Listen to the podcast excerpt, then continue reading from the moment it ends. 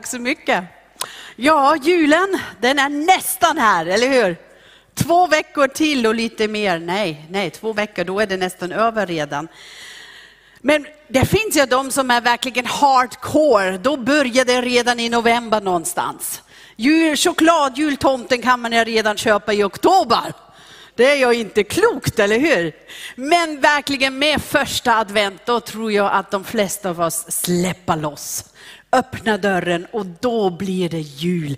Då börjar vi i vårt hem att dekorera och, och det doftar, du vet knäck och saffransbullar. Inte i mitt hus, för det har jag inte lärt mig än att baka saffransbullar. Ja, men jag har lärt mig att det finns många som försöker varje år och Alltså jag, jag, jag, går till min svärmor istället, så det är bättre. Ja. Men man har ljus inomhus och utomhus. Vår granne har mycket ljus utomhus. Vi behöver inte släcka ljus, vi kan spara, handbetala. Det är ju verkligen så. Och då har många av oss har kanske en julkrubba hemma. Är det någon som har en julkrubba hemma och ställer upp den? Titta! Ja, vi har två julkrubbar. En finare som står vanligtvis på pianot. Men igår var jag på second hand och köpte en, en ny möbel. Vad köpte jag? Ett byrå. Ja, så den flyttades nu efter 15 år. Nya traditioner flyttades till en byrå. Precis. Men den andra, den, var, den är speciell. Det är en Playmobil julkrubba som stoppas in i adventkalendern. Och varje dag så tar vi ut en liten figur och på 24 så kommer Jesus såklart, såklart. Men tänk att även mina tonåringar fortfarande vill att vi kör en adventskalender med julkrubba. Det är, det är underbart. Så när Eloisa, vår yngste, hjälpte mig att sätta in, nu, nu är det så att de är inte överraskade längre, du vet. nu sätter de själv in och fyller de påsarna. Då slog det mig faktiskt, alla de figurer som vi, som vi hade där inne. Tänk om de alla skulle ha sagt nej. Maria och Josef. Tänk om Maria skulle ha sagt nej till Gabriel. Äh, men Gabriel, det känns mycket krångligt det här. Det passar inte riktigt med tidsplaneringen. Nej, nej, nej. Eller om Josef skulle ha sagt, ah, verkligen, ska jag tro på en dröm om en ängel att det är så? Nej, verkligen inte. Tänk om, om vise män har tänkt sig att följa ett ljus som vi inte ens vet var det hamnar. Nej tack. Eller om herdarna skulle ha tänkt sig, nej men vi struntar det här med att springa till Betlehem, nu har vi äntligen elden som värmer oss, vi stannar här. De alla hade en möjlighet att säga nej tack. Men de gjorde inte det. De hade ett ja. Jag tror ju dock att Gud valde precis Maria och Josef, för han kände dem. Han kände deras tro. Han kände att de, de ville eller de har en längtan efter att göra Guds vilja. De, han kände deras personlighet. Han kände deras inställning för att göra det som var rätt. Men ändå kom detta uppdraget verkligen bokstavligen som en blixt från himmelen in i deras liv och förändrade allt. Och de behövde verkligen tänka efter, har jag ett ja till det här? Har jag ett ja att mina livsplaner blir annorlunda, att mina drömmar blir annorlunda, att kanske även mina relationer till de kring runt mig blir lite uh, sådär. Ja, de hade ett ja. Ett ja till Gud. Och i min predikan idag vill jag att vi tittar lite grann på Maria och Josef. Och vi läser först om Maria i Lukas kapitel 1, 26-38 och lite senare så läser vi om Josef i Matteus kapitel 1, 18-25. Det är en del av julevangeliet som jag hoppas att ni också läser när det är julafton. Att vi inte bara håller oss till tv-program klockan 15, Kalle Anka. Men att vi verkligen också gör det till en riktig tradition att vi läser Bibeln och julevangeliet. att vi firar Jesus. Men kan vi idag försöka sätta oss in i deras liv, i deras situation, i deras moment där de fattade, eller inte fattade, vem vet om de verkligen fattade, wow, vad hände nu? För det, det som, som alla gjorde i det här julevangeliet, alla som var inblandade, någonting hände och de fick välja. Följer jag? Säger jag ja eller säger jag nej? Låt oss läsa nu först i Lukas kapitel 1. Och det är ganska långt, ni vet julevangeliet är alltid långt. Det yngre man var, det längre kändes det. Eller hur? Ja, speciellt, och det hade jag en far som också älskade att be jättelångt, så jag tänkte vi kommer aldrig till julpresenterna. Eller hur? Det är alla som kände så. Men ja, vi läser bara en del av julevangeliet, för det är ju in, vi, vi hamnar inte i Betlehem än, det sparar vi till julafton. Vi är fortfarande, du vet, i the beginning. Ja. Så, Lukas kapitel 1, 26 till 38. Nu kör vi. Det var ängelns budskap till Maria. Den sjätte månaden blev ängeln Gabriel sänd av Gud till en jungfru i staden Nasaret i Galileen. Hon var trolovad med en man som hette Josef och som var av Davids släkt. Och jungfruns namn var Maria. Ängeln kom in till henne och sade, gläd dig du som fått nåd, Herren är med dig. Men hon blev förskräckt av hans ord och undrade vad denna hälsning kunde betyda. Då sade ängeln till henne, var inte rädd Maria. Du har funnit nåd hos Gud. Du ska bli havande och föda en son och du ska ge honom namnet Jesus. Han ska bli stor och kallas den högste son och Herren Gud ska ge honom hans fader Davids tron. Han ska vara kung över Jakobs hus för evigt och hans rike ska aldrig ta slut. Då sade Maria till ängeln, hur ska detta ske? Jag har ju inte haft någon man. Ängeln svarade henne, den helige ande ska komma över dig och den högstes kraft ska vila över dig. Därför ska barnet som föds kallas heligt och Guds son. Och din släkting Elisabet är också havande med en son på sin ålderdom. Hon som kallades ofruktsam är nu i sjätte månaden. För ingenting är omöjligt för Gud. Maria sade, jag är Herrens tjänarinna. Låt det ske med mig som du har sagt. Och ängeln lämnade henne. Wow, jag kan, jag kan bara föreställa mig de här tankarna som snurr, surrade runt i Marias huvud när ängeln lämnade. Alltså verkligen, det är kanske hon, hon vad heter det när man gör så här? Man knypa man nyper sig själv, precis. Eh, var, det en dröm nu eller var det äkt? Var det, var det nu ett ljus? Vad, vad har jag hört? Du vet, och det är, inte, alltså det är massor med saker, inte bara att hon ska vara gravid, men allt de säger om det här bebis, vad den ska vara. Jag är lite bondflicka. Och du säger att han ska vara kung och härska, härska över allt. Alltså, alltså, alla de tankarna som kommer, men det var jag över för, för över 2000 år sedan. Maria, hon var en god flicka. Trolovad med en god fruktig och rättfärdig man. Och, och här nu, hur skulle Josef ta det? När Maria ska vara gravid längt före giftermålet. Josef han skulle säkert bli sårad. Alltså alla de här tankarna. Sårad och tro att, att jag var otrogen eller var någonting. Och tänk om, om han, om, om, om alla de ska veta i byn. Och hon visste jag att vara otrogen, lagen, den säger hon ska stenas. Vem skulle tro att det var Gud som kom till mig? Att detta var ett mirakel. Utan att någon vittnade. Ingen var där.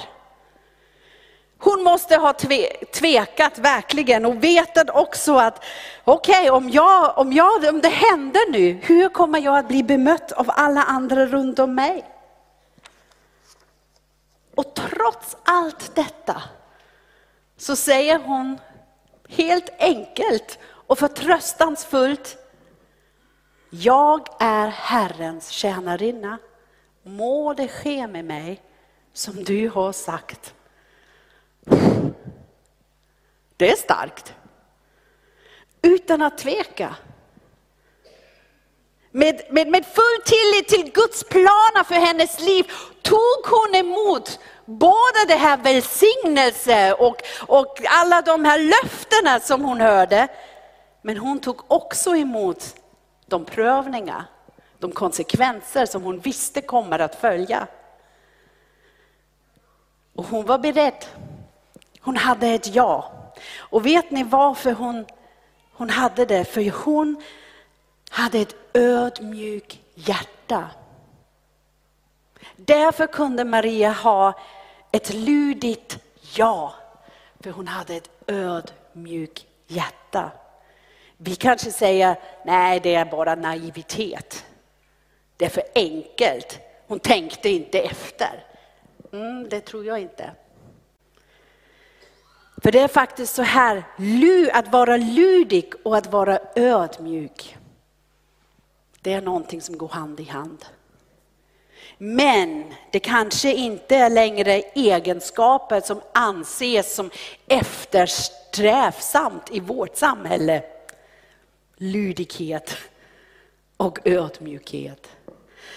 Och jag tänkte lite grann, för det är faktiskt så att man nästan kopplar det till svaghet. En människa som är bara lydig och som är ödmjuk, det måste någon vara som är svag. Och jag tänkte, är det inte vår feministiska kamp kanske? Att ingen kvinna behöver leva ödmjukt och lydigt till någon. Och på grund av att vi i samhället lyckades, tack och lov, att lyfta kvinnor ut av förtrycket, så kanske tappade vi att se att det är, faktiskt är en styrka det här med ödmjukhet. Och nu är det inte för ödmjukhet. Det är någonting helt annat. Det ska inte vara någon. Ingen man och ingen kvinna ska få ödmjukas. Men det här att ha en hållning av ödmjukhet, det är viktigt. Det är viktigt i alla relationer där vi är. Tänk på en äktenskap om man aldrig är ödmjuk. Svårt, svårt att hantera konflikter om man aldrig är ödmjuk. Och det beträffar både män och kvinnor. Det är inte så att en egenskap är mer manlig och en annan egenskap är mer kvinnlig. Absolut inte. Att lyda någonting. Att lyda någonting som är rätt och riktigt, det är ingenting att skämmas över. Det tycker jag. För det visar faktiskt en kraft och en beslutsamhet att jag följer någonting som är viktigare och kanske mycket mer reellt än mina egna känslor. Eller hur jag, hur jag tycker precis just nu är min stämning. Nej, jag lyder någonting som jag erkänner som är sant och rätt det är att vara stark i sin övertygelse.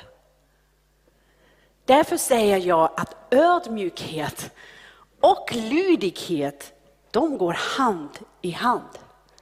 Och jag tror utan ödmjukhet är det faktiskt jättesvårt att vara lydigt. Om Gud talar till mig eller jag är påmind att vara lydig mot det jag läser i hans ord. Eller när han pekar på något som, som borde ha gjorts annorlunda förstår jag det att han gör det på grund av att hans tankar är större än mina tankar. Att han ser den större bilden.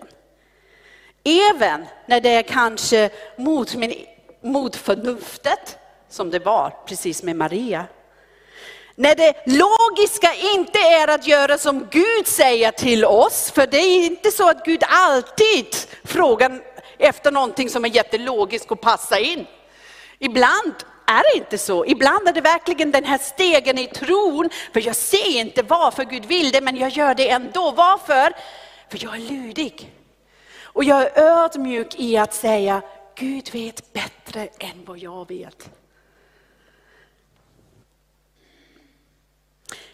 Men visst, det kan vara lättare att göra Guds vilja när det är bara välsignelse som följer, eller hur? När jag vet det är bara bra saker som kommer att ske, nej men då kan jag lyda Gud.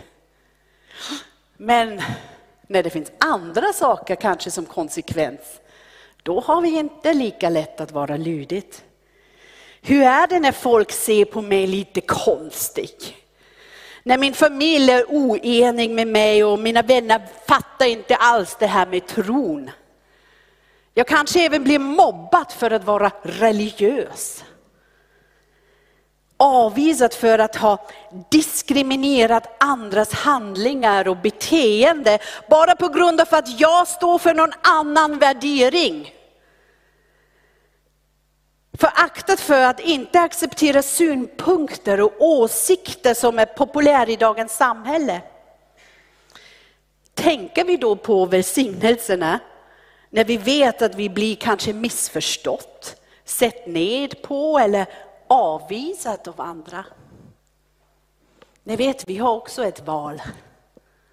Vi kan säga nej. När Gud upp, uppmanar oss att göra svåra saker, då kan vi faktiskt korsa våra armar och säga nej tack. Det passar inte. Det är för mycket. Men vi kan också ödmjukt säga okej. Okay.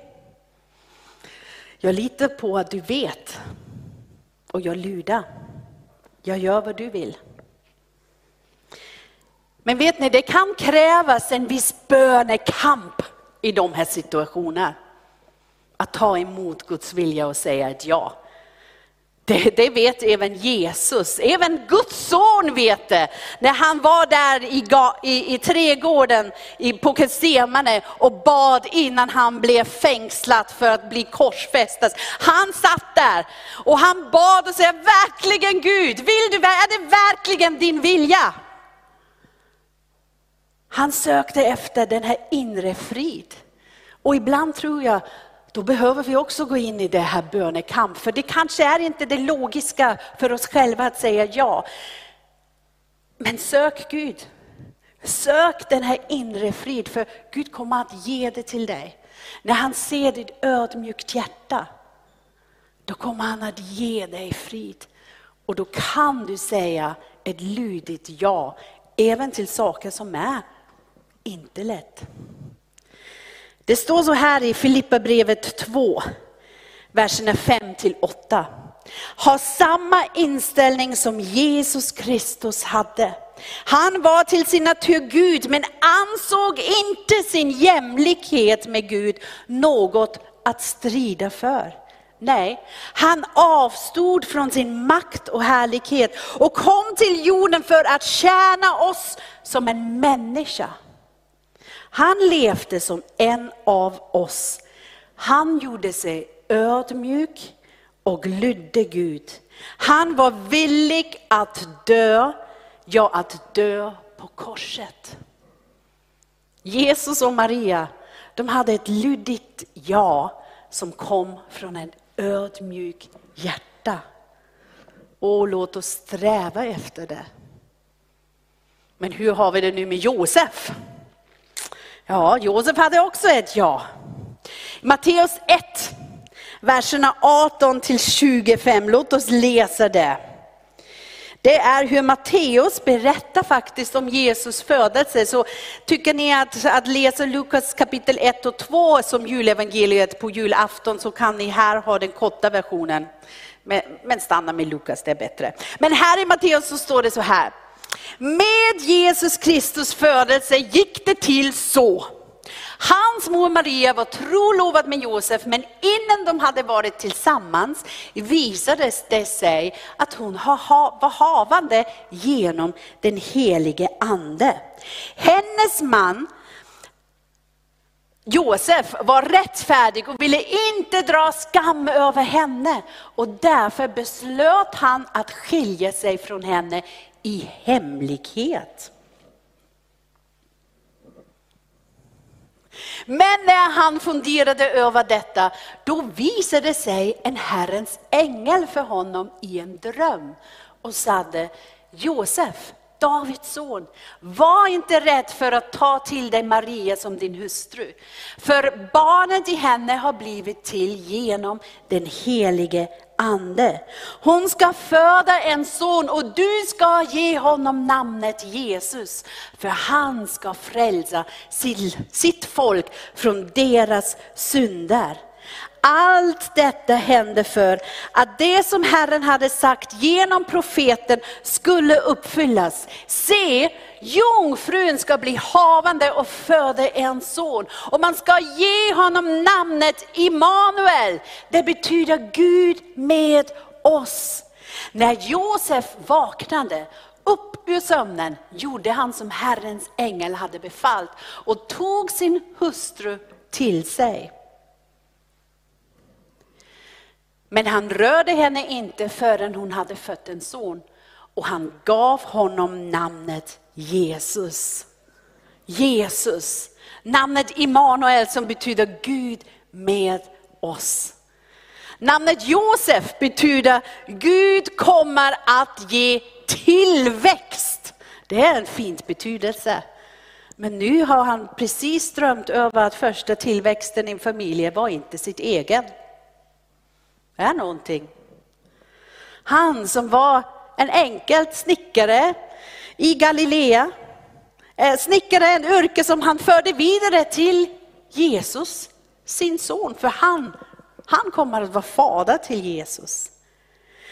Matteus kapitel 1 som vi läste, det berättar om förlovade paret och om Josef och hur han hanterade hela situationen. Och det skrivs någonting jätteviktigt han var rättfärdig. Det betyder att han var lydig mot Toran, det är Moses lag, och att han var känd för att tjäna Gud, att leva efter Guds vilja, att följa Gud. Det var känt.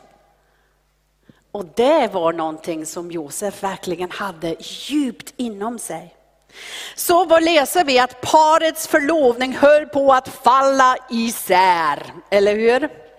Vi måste förstå att trolovningen i deras tid, i deras kultur, det var redan första äktenskapsakten kan man säga. Med en förlovning då blev man känd som man och fru, men man delade inte hem och säng. Men alla visste, det var det, That's the deal. Så när han ville bli fri, då behövde han faktiskt göra det som en skilsmässa. Det, det, var inte bara så att han bara kunde gå, men han egentligen behövde gå till de äldste, han skulle gå till de fariseerna och skulle säga därför vill jag bli av med min förlovande Maria. Och det var egentligen ganska viktigt om han vill hålla det här status att vara rättfärdig, att vara känd för det. Då behöver han den här godkänning och officiell stämpel att nej, nej, nej, det var inte Josefs fel det här. Han, han har inte gjort någonting.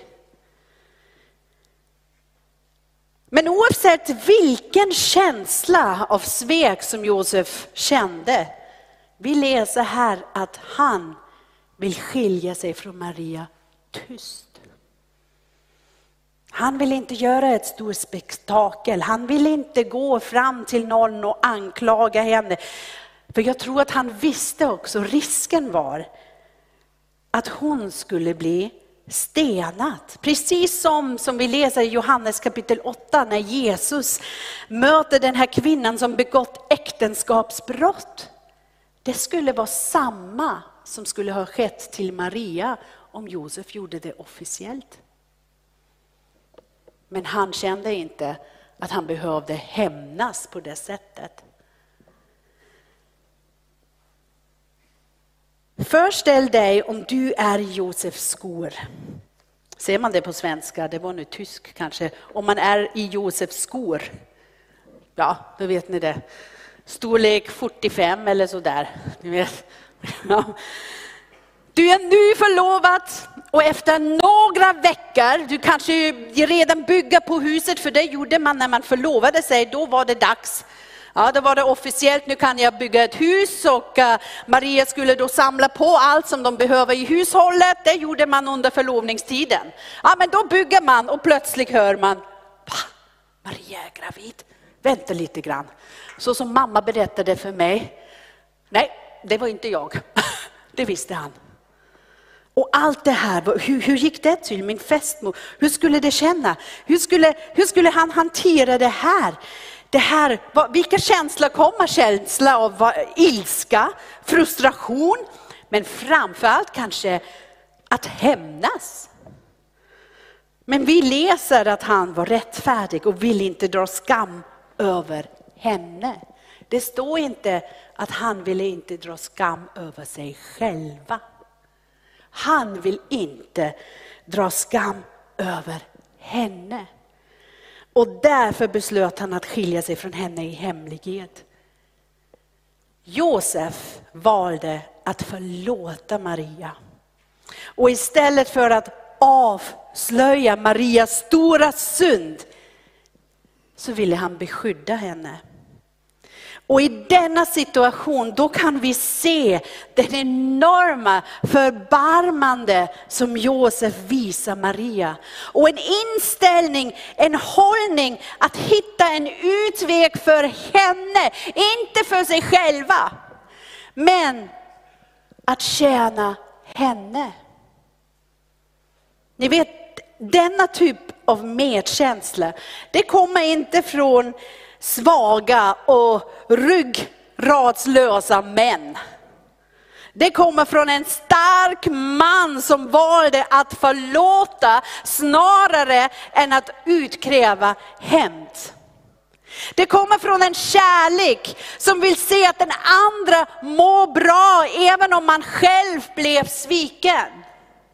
Det kommer från en människa med en helgat karaktär att söka den annans bästa och inte sitt eget. Han hade en tjänande hållning. Även innan han såg en ängel. Märkte ni det i texten? Det var redan hans beslut innan han drömde och ängeln kom till honom. Och det gick bara för hans hela liv var, hur kan jag tjäna Gud? Och när jag vill tjäna Gud, hur tjänar jag då mina andra? Och på grund av att, att han hade det här tjänande attityd, då kunde Gud lita på efter nattens drömbudskap, då kommer Josef säkerligen säga ja. För Gud kände Josef. Och Josef han valde ett lydigt ja som kom från ett tjänande hållning. Han tog Maria hem för att bli hans hustru. Och vi läser senare hur Josef räddade sin familjs liv genom att fly till även ett annat land. Han var beredd att ge upp allt för att beskydda och för att tjäna dem som Gud har anförtrott honom.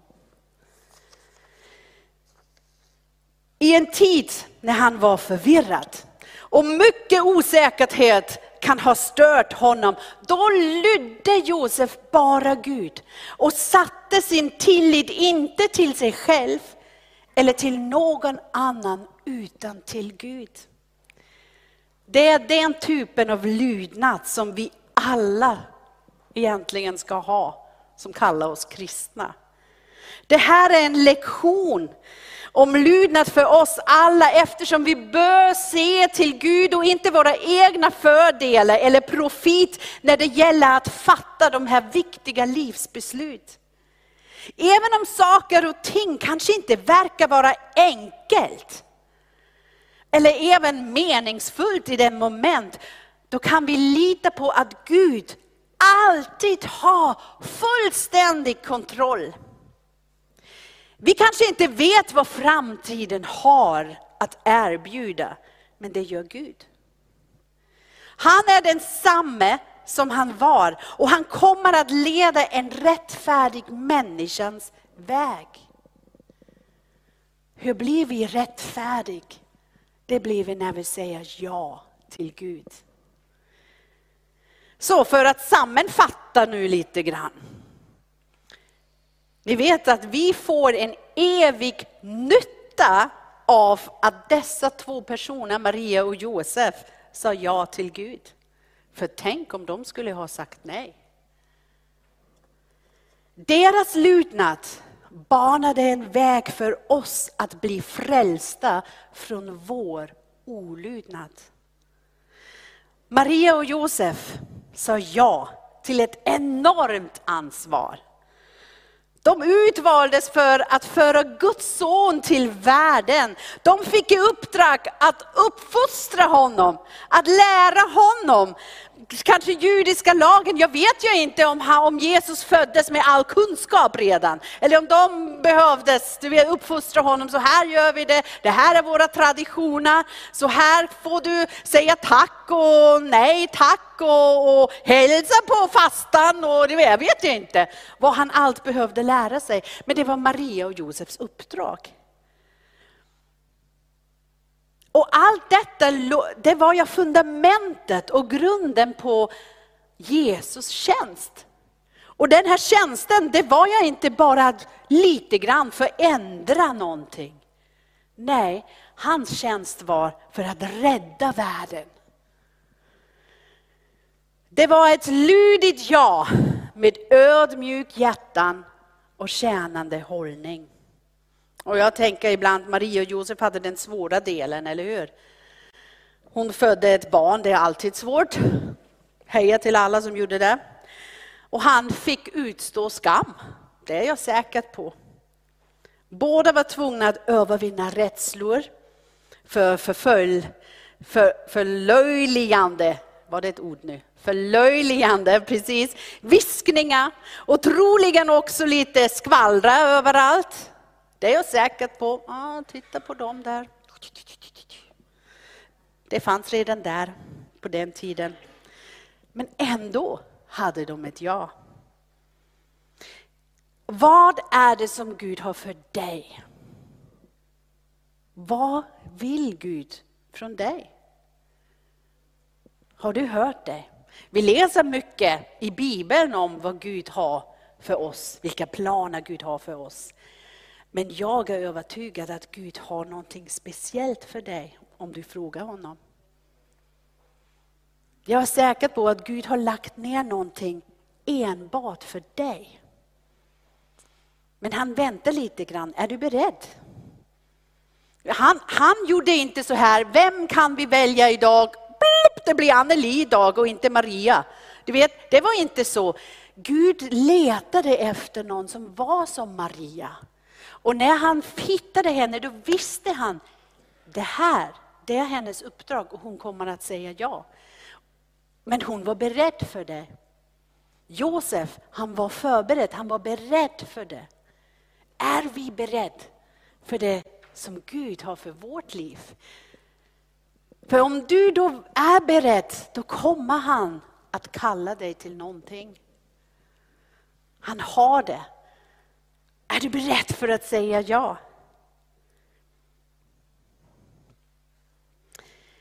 Men tills det vill jag säga, låt oss sträva till att ha ett ödmjukt hjärta och ett tjänande hållning.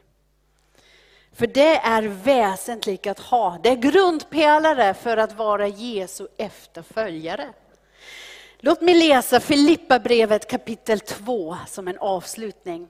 Filippa brevet kapitel 2, verserna 12 till 15. Och jag läser nu för en liten annan översättning kanske som ni har på skärmarna. Då står det nämligen så här. Ni måste lyda Gud med djupaste allvar och hålla er borta från allt det som inte tilltalar honom. Gud arbetar nämligen med er, skapar hos er viljan att lyda honom och hjälpa er sedan att göra det han vill. Var inte negativa vad det än gäller. Protester och gnäll ger inget gott intryck. Se till så att ingen kan säga något ont om er. I denna mörka värld som är full av oärliga och hårdhjärtade människor ska ni vara ljus och lyser i mörkret. Det är vi kallade till. Kan du ha ett ja till det? Det är det som Gud vill för ditt liv. Jag vill att vi står upp och att lovsångsteamet gör sig berett. För jag, jag har två frågor till dig. Det ena är, känner du Jesus? Känner du Jesus? Du har kanske aldrig sagt ett ja till Jesus, men det finns det här första ja som vi alla måste ge Jesus. Vi kallar det ibland att bli frälst. Det är det här att vara kristen, det betyder att vara en Jesu efterföljare och det betyder att man har sagt ja till Jesus. Då behöver du säga ja till Jesus och då säger man inte ja till en lilla bebis i krubban. Man säger ja till Jesus som dog på korset. För där på korset så dog han för din synd och för din skam och för vad du har gjort. Vi skulle ha dött för de sakerna själv, men han säger, jag gör det för dig. Och allt som du behöver göra är att säga ja, ja jag tror att Jesus har tagit min synd. Jag vill ha förlåtelse till det. Ja, jag tror att han ska vara Herren i mitt liv och att jag inte ska bestämma själv längre. Ja, jag vill gå efter hans vilja och följa honom. Det är det när man säger ja för allra första gången till Jesus. Så jag vill att, att vi alla nu stänger våra ögon. Om du är här som har aldrig haft det första ja till Jesus, kan du bara vifta till mig kort så att jag ser det. Om du vill ge ditt allra första ja till Jesus, då kan du bara vifta så att jag ser. Du är kanske där som tittar. Om du har aldrig sagt ditt första ja till Jesus, då vill jag att du gör det nu. Och då vill jag bara säga congratulations. Bra gjort! Gå med Jesus. Och, och, här finns det ingen som har nu viftat till mig, inte så att jag har sett det. Men om du är här och du har gått med Jesus, men du känner lite grann det här med lydande, det är faktiskt inte lätt. Och du känner kanske det här med att vara ödmjuk, det är inte min styrka. Eller det här med att ha ett tjänande hållning till Gud och de kring mig. Oh, det är tufft. Då, då vill jag ge dig en chans idag. Om du vill ha förbön, det finns förbedjare där i sidosalen vid korset. Då kan du få stöd för att be. Låt mig avsluta med bön och, och när lovsångstimmen börjar då kan du gå till förbönen men annars bara prisa Herren. Lyfta Gud högt och, och, och ha ett ja till Gud. Herre vi tackar dig, vi tackar dig Gud för allt du har gjort. Vi tackar dig för frälsningsplanen som en gång började där, som en ängel kom till Maria.